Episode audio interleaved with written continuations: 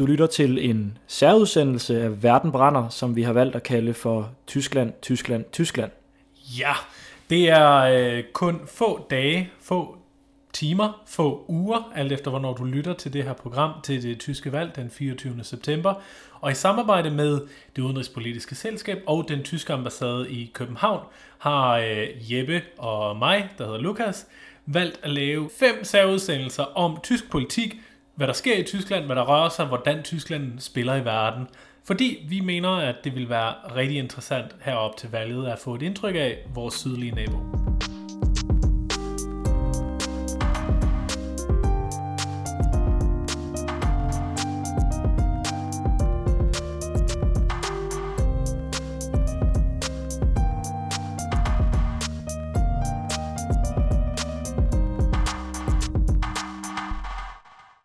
Til nye lyttere, der vil jeg gerne sige, at øh, når vi plejer at lave de her udsendelser, så taler vi bare os to imellem, Lukas. Men øh, i de her særudsendelser, der har vi jo allieret os med forskellige eksperter, Folk, der ved mere ting, end vi gør. og øh, den her episode er ikke nogen undtagelse. Øh, Vi skal tale om tysk musik og tysk mode. Spændende, Jeppe. Hvad er tysk musik og tysk mode? Tysk øh, musik øh, er meget bredt. Er det sådan noget øh, hornmusik og... Slager, tænker du? Ja, slager og sådan Det noget. kan være slager. Okay. Øhm, men det, vi øh, skal snakke om i dag. altså, det, det kan godt blive lidt kitschet, faktisk. Okay. Men det bliver det ikke kun, fordi øh, jeg har talt med øh, en musikekspert fra øh, den her radiokanal P6 Beat. Han hedder Niels Pedersen. Og han, øh, Det er ikke et særligt tysk navn. nej, han er også dansk. Nå. Og han er også øh, modeskribent for øh, politikken blandt andet. Nå. Så han er simpelthen den helt perfekte til at tale med det her om. Og han har for nylig lavet en øh, udsendelse til øh, P6 Beat, der handler om øh, musikscenen i Berlin. Berlin er jo en by, der har betydet rigtig meget for øh, altså den globale musikscene, og især den tyske. I øh, slutningen af 70'erne og i 80'erne, der kunne man nærmest ikke øh, høre popmusik, uden at der var, øh, at der var drejet på forskellige knapper, som man havde lært at dreje dem i Tyskland. Så det taler vi om. Spændende. Og øh, vi taler også om øh, de her mange eksilmusikere, eller turistmusikere, der drog øh, til Berlin for at få en form for øh, opvågnen, eller for at få ny inspiration til deres musik. Det er folk som øh, David Bowie og Nu Iggy skal du Pop. ikke sige for meget. Nu vil jeg gerne lytte til vores interview. Jeg er jo kulturjournalist og radiovært. Ja. Tror jeg, jeg er i øjeblikket, ja.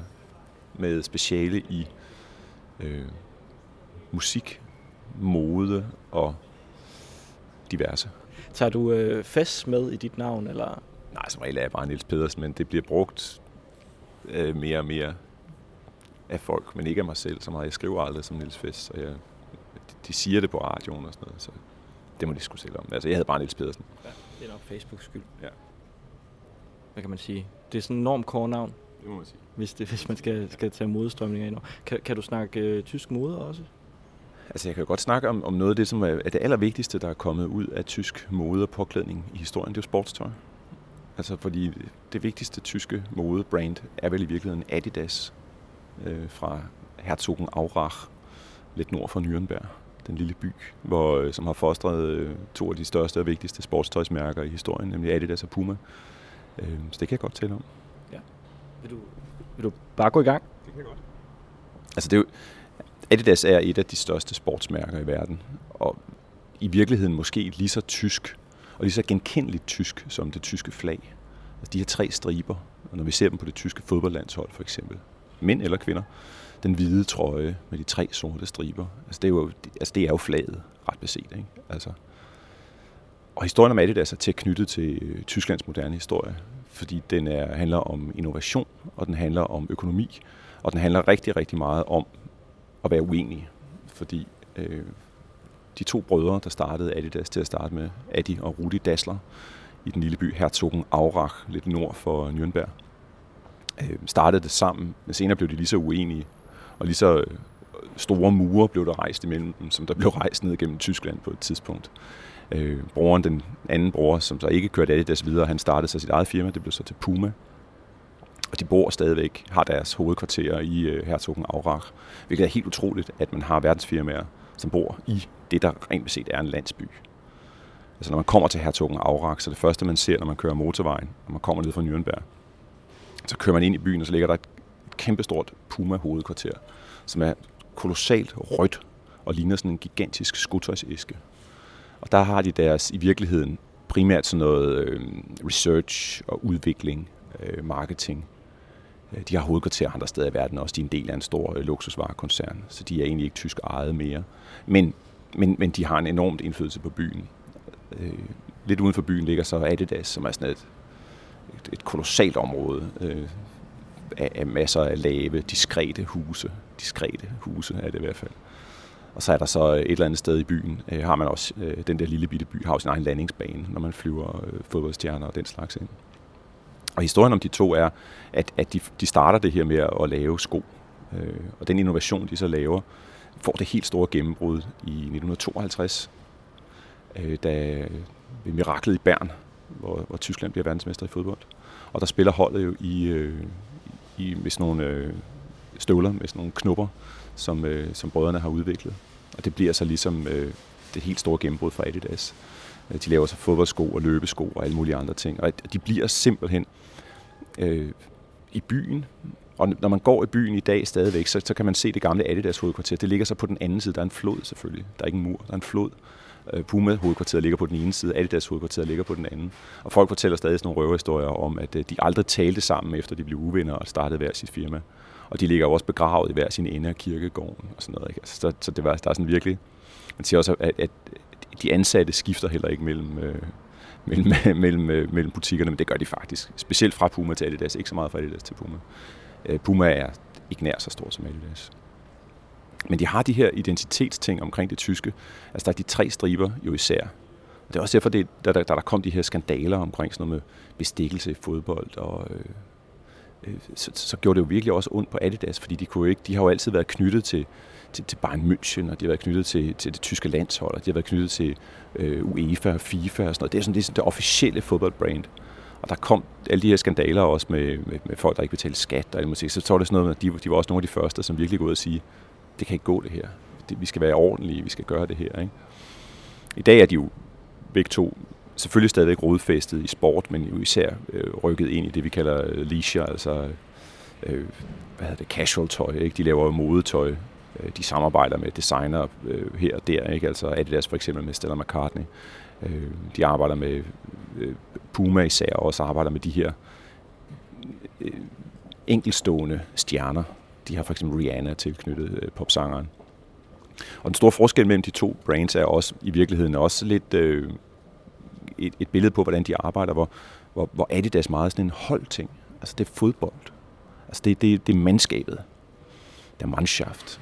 Øh, hvor Puma er meget mere sådan individualiseret. Det er sådan en, øh, det er sådan en ego-mærke. Ikke? De har øh, igennem tiden, de sponserede jo Boris Becker, hvor de andre sponserede det tyske fodboldlandshold. Ikke? Øh, de sponserede øh, Diego Maradona. De sponserede Pelé. Øh, I dag sponserer de Usain Bolt. Altså det er de her enere, som kan gøre, at alting bare øh, bliver federe. Ikke? Hvor de andre, det er sådan en, altså, det er sådan noget, hvor man tager fat, ikke? og så er det det lange, seje træk. Det er det, man er med i fodboldklubben, hvor man, hvor man skaffer sig et, øh, et sæt tøj for Adidas og nogle, øh, og nogle støvler, som i dag jo så ikke er sorte med tre hvide striber, som de jo var i gamle dage. Ikke? Men, øh, men det sidder tungt. Hvis man engang har været i sådan et par Adidas Frans Beckenbauer, så er det noget, man aldrig glemmer. Ikke? Eller øh, jogging-sættet. Det er jo også øh, genialt med øh, Adidas og Puma, fordi at øh, selv når øh, sportstøj ikke er på mode, om det er øh, hiphopper, der går i deres Adidas, mm. eller øh, at det er øh, de unge på Nørrebro, der øh, skal have nogle øh, gode sneaks til deres normkåre tøj, så er det jo også ind at gå med sportstøj, hvis du ikke interesserer dig for mode. Det, det, det er jo en, en, en vand, det, det, det, er det er blevet en vanvittig sådan øh, praktisk løsning på, øh, på at lave, øh, lave tøj. Og jeg tror faktisk, at tyskerne var nogle af de første, der, som man lidt så i de der campinghabiter. Altså det der med, at man tog sportstøjet ud af sportsarenaen og begyndte at gå med den til hverdag. Øh, og det, det er jo ting, altså i dag har vi jo fundet ud af, at sportstøj er virkelig behageligt. Der er sket en enorm innovation, øh, blandt andet hos øh, Adidas og hos Puma og til dels hos amerikanske mærker som Nike, altså hvor man har udviklet materialer, øh, igen meget stærk innovation, Øh, som, som gør, at man kan have det på, og du kan cykle gennem byen, uden du bliver alt for svedig, og det kan ånde, og det kan afvise vand, og det kan gøre alle mulige ting. Øh, og meget af den innovation kommer faktisk fra sportsfirmaer som Adidas. Det glæder ind også i det almindelige modebillede, fordi vi har fundet ud af, at det er enormt behageligt at have på. Ikke? Det er enormt behageligt at gå i sneakers i stedet for at gå i øh, lædersko. Det er enormt behageligt at gå i i, hvad hedder det, i øh, øh, kvinder, der går i, i, hvad hedder det, leggings og øh, ligefrem yogabukser, eller det behøver jo ikke være... Eller gå i byen i fladesko. Bare gå, gå i byen i kondisko, ikke? Øh, eller, eller bare, det behøver jo ikke være andet, vel? Det kan jo også bare være, at vi har en, en enormt god regnjakke, øh, som, er, øh, som er vandafvisende, og i virkeligheden kunne klare, at vi gik op på... Øh, på Mount Everest uden problemer, men egentlig skal vi bare ned og hente noget mælk og sådan noget. Ikke? Altså, men, men, men det er bare rigtig meget, det kommer fra sportens verden, og der har tyskerne faktisk været temmelig langt frem. Der findes også en hel del øh, øh, tyske mærker, som arbejder med netop øh, tøj til skisport og alpint, al, alpine ting og bjergbestigninger og den slags, som også øh, sådan rent innovativt er virkelig langt fremme. Lad os lige tage en pause fra interviewet. Her er Lukas med lidt fakta om AFD, Alternative for Deutschland, som forkortes AFD i Tyskland, er et nyt parti. De blev først grundlagt i 2013 og øh, var øh, ved forbundsdagsvalget i 2013 lige på vippen til at komme ind i forbundsdagen. De blev grundlagt som et eurokritisk parti af en række økonomiprofessorer, som var øh, meget kritisk over for den politik, som Tyskland førte over for Grækenland, og som man førte i finanskrisen, hvor man mente, at øh, tyskerne betalte alt for meget for, øh, for redning af nogle af de sydeuropæiske lande, og at euroen var et fundamentalt ødelagt økonomisk konstrukt. Partiet har så udviklet sig meget siden, og øh, blev i løbet af 2015 kuppet, kan man sige, af øh, den nuværende formand, Frauke Petri, som har lagt en fuldstændig anden politisk strategi og en anden politi- øh, nogle fuldstændig nye politiske mærkesager for Alternativ for Deutschland. I dag er partiet et øh, muslimsk kritisk og et indvandringskritisk parti. De er et meget nationalt parti og øh, bliver øh, af mange øh, betragtet som højorienterede, højre nationale, og mange af deres medlemmer er også øh, delvis nazistiske. De øh, er stillet op i hele Tyskland her til forbundsdagsvalget, og de indgår i en række delstatsparlamenter allerede. I år har de vundet nogle store sejre ved, øh, ved delstatsvalgene, blandt andet i Thüringen, for partiet fik 24 procent af stemmerne, og øh, dermed blev andet største parti. Til forbundsdagsvalget fører man kampagne med øh, klassisk nationalkonservative og øh, højrekonservative øh, emner. Man øh, mener, at øh, indvandringen af flygtninge og migranter skal stanses til Tyskland. Der skal være omgående hjemsættelser. Partiet mener også, at øh, mange af dem, der har boet i Tyskland i mange år, som kommer udefra, skal hjemsendes. Det er sådan deres primære mærkesager. På mange andre politiske områder har de ikke en decideret politik. De har to spidskandidater, Gavland og Alice Weidel, som appellerer til en meget øhm, nationalistisk tysk politik. Noget, som man ikke har set i Tyskland siden 2. verdenskrig.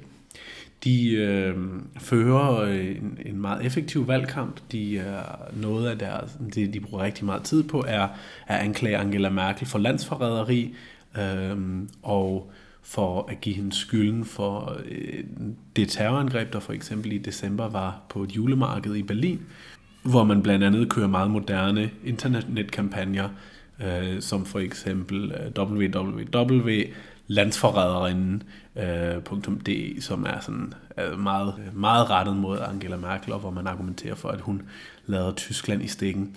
Efter valget ser det ud til, at de kommer stort ind. Det kan være, at de får over 10% af stemmerne.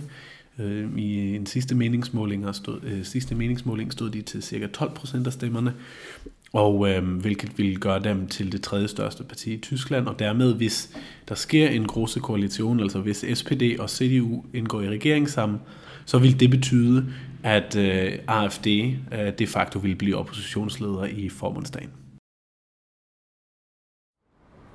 Nå, til musikken.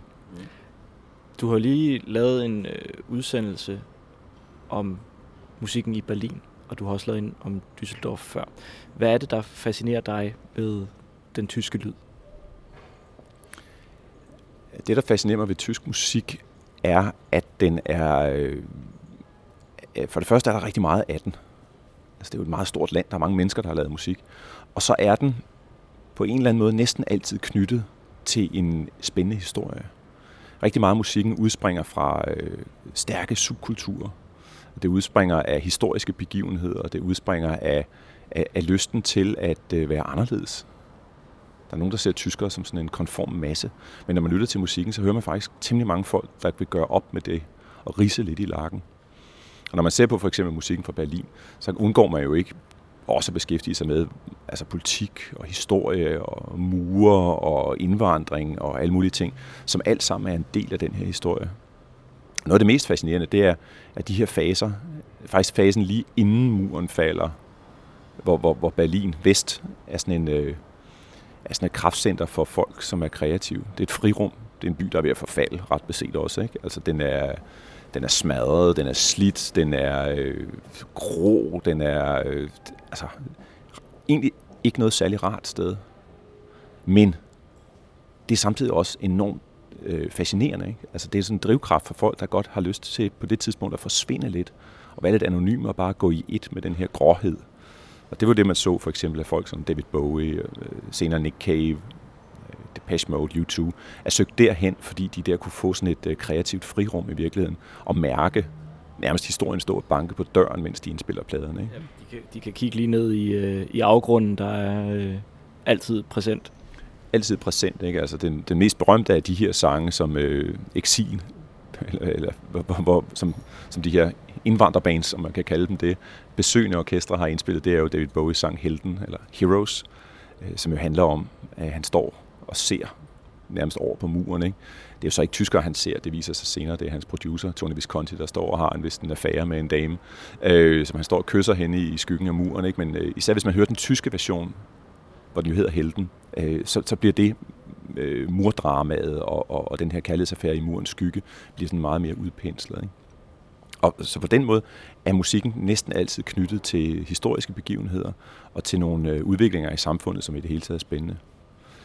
I Berlin er der jo, har musikken også samtidig haft en enorm rolle at spille i genforeningen.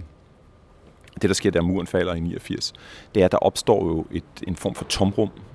Altså både, hvordan får vi nu de her mennesker til at, at, at møde hinanden? Og der opstår jo også et tomrum i byen, i det gamle ingenmandsland, rundt omkring muren og så videre, hvor, hvor, hvor der ikke rigtig var noget. Der var jo ikke noget liv på den måde der. Der, der ligger sådan nogle tomme fabriksrum, og der ligger nogle øh, gamle øh, indkøbscentre, som er forfaldende, og nogle banker og sådan noget. Og nogle af de rum bliver brugt til at lave klubber i.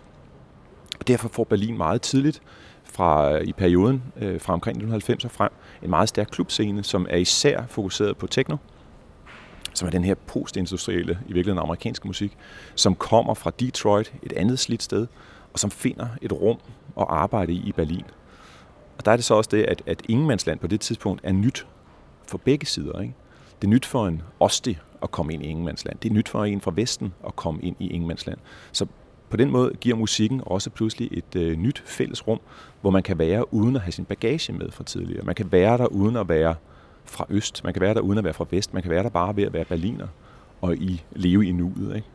Og det kommer til at sætte sit præg enormt på Berlin op igennem 90'erne og gør det stadigvæk i dag. Berlin bliver betragtet som øh, måske teknoens hovedstad, eller den elektroniske musiks øh, hovedstad i verden. Der er nogle konkurrenter derude, men, men det er virkelig et af, af de helt store kraftcentre. Der er også øh, der er også stadig bands, der tager til Berlin for ligesom at øh, ja, enten at få en del af det, som skete i, øh, i, i 80'erne, øh, slut 70'erne der, eller også for ligesom bare at komme væk og, øh, og så dyrke noget af deres eget. Øhm, men det er interessant, det du siger med, at det er i virkeligheden en form for øh, emigrantbands, der kommer ind og låner noget af den, den tyske lyd, og så tager den, tager den med videre øh, og gør det, øh, altså gør det til sådan den smarte musik. Hvis, hvis man nu ikke skal se på, øh, hvad, hvad, hvad Tyskland har betydet for sådan niche eller den smarte musik, øh, hvad, hvad, hvad kan man så sige om, om det? Altså så tænker jeg jo straks på slakker for eksempel. Ja, det er jo altså ligesom den, øh, det, altså, det er jo den tyske popmusik. Og det har det været øh, jo siden ja, siden efter ja, siden altid i virkeligheden. Der, der, I dag opererer man med to former for slager. Øh, man har øh, det man kalder øh, den folkestymlige slager, som er ligesom den folkemusikbaserede slager, øh, som man ser i tv-shows i Danmark også, hvor folk har dirndl, og øh, øh, der står gerne nogle, måske en ko på scenen, ikke? Og, og sådan nogle ting. Ikke? Nå, det er sådan meget øh, alberomantisk. Øh, det er den klassiske tyske slager. Men så findes der også en overbygning på det, som man kalder popslager, som er øh, rent hitliste pop, men som har sine rødder i slager. Øh, kunstnere som den store popsangerinde Helene Fischer, som er ligesom den store crossover mellem de her genrer, ikke? som har gjort, at øh, også at, at det er blevet for andre end, end, end folk, som er slakkeragtige i forvejen. Sådan lidt okay også at være lidt med på en popsang en gang imellem. Hun kan godt lide, altså det kan man godt høre i radioen, ikke? Det, det er produceret lidt ligesom almindelig øh, popmusik er generelt, ikke? Men det er øh, benhård slakker, og hun optræder i slakkershows og, og er i det her univers. Og det er simpelthen en, altså, det er en lyd, som er øh, en integreret del af det at, at være tysk. For nogen og, og det er værd at interessere sig for også, fordi det er jo, altså det har også haft en negativ klang hos nogen. Altså det er ikke noget, som man har taget super alvorligt i, hvad skal vi kalde det, den etablerede musikbranche. At det er sådan lidt på noget, at man har været med til de store prisfester, altså det, der svarer til Grammy'en og sådan noget. Ikke? Men efterhånden har man jo indset i branchen, at der er faktisk temmelig mange penge i slager. Især hvis man markedsfører det ordentligt og, og pakker det ordentligt ind, og det er de ret gode til i Tyskland. Og på DK4. Øhm, hvis man skal kigge på, hvor, øh, hvor sådan musikalske strømninger kommer fra nu, og, og hvad, hvad der sådan er, er ind, der går også mode i musikken. Øhm, kan man så kigge til Tyskland, eller skal man, skal man til andre steder? Kigger tyskerne andre steder hen? altså, musik i den digitale tidsalder er mere global, end vi umiddelbart går og kigger. Ikke? Det vil sige, at øh, hitlisten i rigtig mange forskellige lande minder rigtig meget om hinanden, øh, fordi vi alle sammen streamer fra de samme steder. Øh, man kan sige, at tyskerne faktisk bliver ved med at holde fast i nogle ting, som er meget tyske. Men det er faktisk også en tendens, vi ser herhjemme. Ikke? Dansk og dansk musik har også en ret stor rolle, selvom vi bliver oversvømmet med øh, international og engelsksproget musik, så bliver vi ved med at holde fast i det, vi kender, det vi godt kan lide. Og der er jo noget med det lokale sprog, som går direkte ind. Man kan se, at det største tyske rockband i moderne tid er jo faktisk kommet temmelig langt ud ved at synge på tysk. Og det er Rammstein. Øh, Rammstein er også en, øh, en af de her orkestre, som man ikke kan, kan høre isoleret fra historien. De er vokset op i Østberlin. Øh, og de har en øh, lidt... Øh, nogle af dem en, øh, har haft en meget urolig ungdom øh, i lige perioden omkring øh, murens fald. Ikke? Den ene af dem forsøgte at blive olympisk svømmer. En anden overvejede at blive nynazist. Øh, og, og, og så har de haft den her fascination af, af noget meget tysk. Ikke? Det er jo sådan et, I virkeligheden er det jo en slags slagerband med heavy metal øh, rytmik. Det er sådan, altså Wagner oversat til, altså født i ild på en rockscene, ikke? Altså, hvor du har den her meget stærke øh, forsanger, øh, som er smurt ind i olie og, og sådan nogle ting, og der er hele tiden, altså, ild og flammekaster, og hvis man har været til en Ramstein-koncert, ved man, at der lugter jo sådan af, af brændt kød, øh, fordi, det, der, fordi der er simpelthen så meget levende ild. Ikke?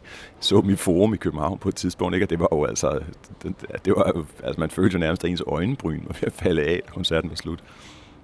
Det er jo et band, der kan samle altså 40.000 mennesker i Danmark, eller 50.000 mennesker i Danmark, eller spille orange scene i Roskilde op og har gjort det også allerede for 10-15 år siden. Ikke? Og et band, som er et af de få tyske orkester, som faktisk har solgt rigtig mange plader i USA på tysk. Og det er der altså ikke ret mange eksempler på. Men de har det her med, at de tager både Tysklands sjove sider og Tysklands onde sider, og så blander de dem. Og de ved godt, de er provokerende. De ved godt, det provokerer folk, når de klipper musikvideoer til billeder fra sådan et nazi-møde, øh, filmet af Lenny Riefenstahl, den store øh, filminstruktør, som har lavet nogle fantastisk flotte billeder af de her nazimøder. Men det er stadigvæk billeder af nazimøder, ikke? Og når man synger sange som øh, Byg dig og Du hast, og, øh, som handler om øh, had og seksuelle overgreb, eller hvad hedder det, grænsesøgende seksuel adfærd, og hvad det ellers måtte være, så ender man jo med at få problemer. Og De har jo også haft problemer med, øh, med, med domstolene, og har haft fået i perioder forbudt, øh, i hvert fald en af deres plader, øh, skulle, øh, måtte ikke sælges til mindreårige og den slags ting. Ikke? Det, er jo, det er jo et ret hårdt indgreb i, øh, i ytringsfriheden, som man ellers tager meget alvorligt i Tyskland for eksempel. Ikke? Så det er jo sådan et band, der både har, rummer noget positivt tysk, og samtidig også har det der, hvor man tænker, mener de det? Eller jeg skal lige læse noterne en gang til, før jeg egentlig synes, det her det er rigtig fedt, ikke? Ja, eller når man ser musikvideoerne, hvor der er halvnøgne mennesker, der kravler rundt med halsbånd på i øh, en tysk storby. Det ser meget øh, absurd ud. Mm. Jo, det er jo, altså, man skal jo ikke glemme, at tyskere er jo et meget humoristisk folk. Øh, det kan man ikke sige generelt, vel, men stærk generalisering er det jo, det er jo altså, de er jo sjove, altså ligesom danskere også er sjove, ikke? de har jo også en humor. Øhm, samtidig er det også folk, der, kan til, der, der godt kan lide at tage ting alvorligt. Ikke? Derfor kan man sådan en band som Rammstein også nemt få problemer, fordi nogen, hvis man har læst en tysk øh, broadsheet-avis, så ved man jo også, at, at det er jo folk, der godt kan lide at sætte rigtig mange ord på, hvordan ting hænger sammen. Ikke? Altså sådan en Berliner Tagesspiele, eller hvad hedder det, Frankfurter Allgemeine, det er jo ikke, det er jo ikke sådan, hvor man lige ligesom affærdiger folk bare med en sætning og et billede, vel, hvis der er noget, der skal sættes på plads. Altså en af de sjoveste øh, tyske musikbevægelser, det er den, man oplevede i 70'erne, der hed Krautrock. Øh, at den skulle hedde Krautrock, det var noget, nogle engelske musikjournalister faldt på. Det var i virkeligheden lidt nedsættende, det her, man omtaler tyskere som krauts. Øh, men det var en beskrivelse af en, en øh, gruppe frisøgende, fritænkende, søgende musikere, øh, som, som lavede en slags kosmisk musik, der opstod i Tyskland i 70'erne. I virkeligheden havde de hørt engelsk musik, men så havde de tænkt, nej, nej, det der kan vi godt lave vildere. Den er i høj grad instrumental, øh, den er meget rytmisk baseret. Den udspringer så i virkeligheden i forskellige regionale centre. I Hamburg, i Berlin, i Køln, i Düsseldorf, i München. Hvor en, en hel masse forskellige bands gør mange af de samme ting. Og nogle af de mest kendte, det er grupper som Karen, der kommer fra Køln, øh, Nøje og Kraftværk fra, øh, fra Düsseldorf. Ikke? De opfinder nærmest en form for unik tysk musik, som er i, øh, i, i skyggen, øh, eller som går videre fra den øh, udenlandske øh, altså, og, og er stadigvæk helt utroligt. Det har sådan en øh, maskinelt drive ofte. Nogle gange er det ret underligt rytmisk også. Men det er noget, som har fået revivals rigtig mange gange, og har inspireret rigtig mange mennesker udenfor.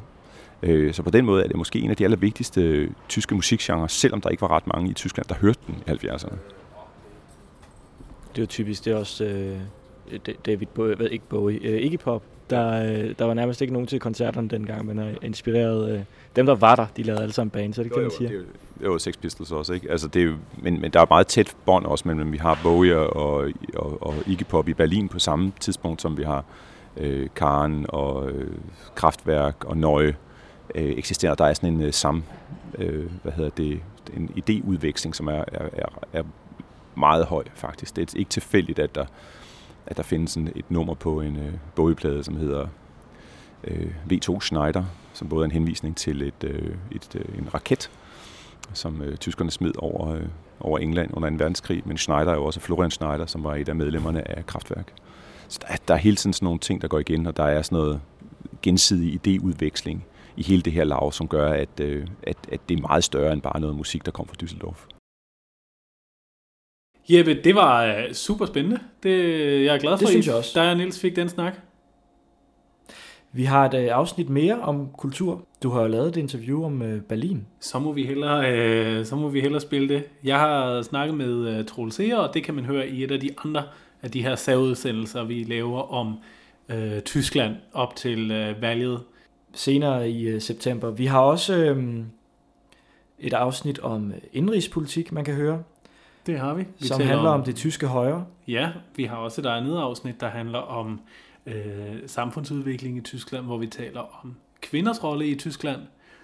Og vi har lavet, øh, fordi det er verden brænder, det er internationalt, det er stort det hele, så er der selvfølgelig også et afsnit om Tysklands opførsel i øh, EU. Og på den internationale scene. Netop. Så øh, kære lytter, gå endelig i gang og øh, finde øh, de her afsnit i øh, dine podcast-arkiver. Og øh, ellers kan du øh, sende et like til Verdenbrænder på Facebook, eller øh, abonnere på, øh, på Verdenbrænder i din øh, podcast-app. Og vi er også at finde på øh, altså, de andre sociale medier, hvis man vil skrive forslag eller ris og ros. Vi Så tager imod det hele. På, øh, vi er på Facebook, hvor vi hedder Verdenbrænder spørgsmålstegn, og øh, I kan også finde os individuelt. Både Jeppe Omanøvi er på Facebook, og mig, Lukas Lausen. Det, ham kan I også finde lige der.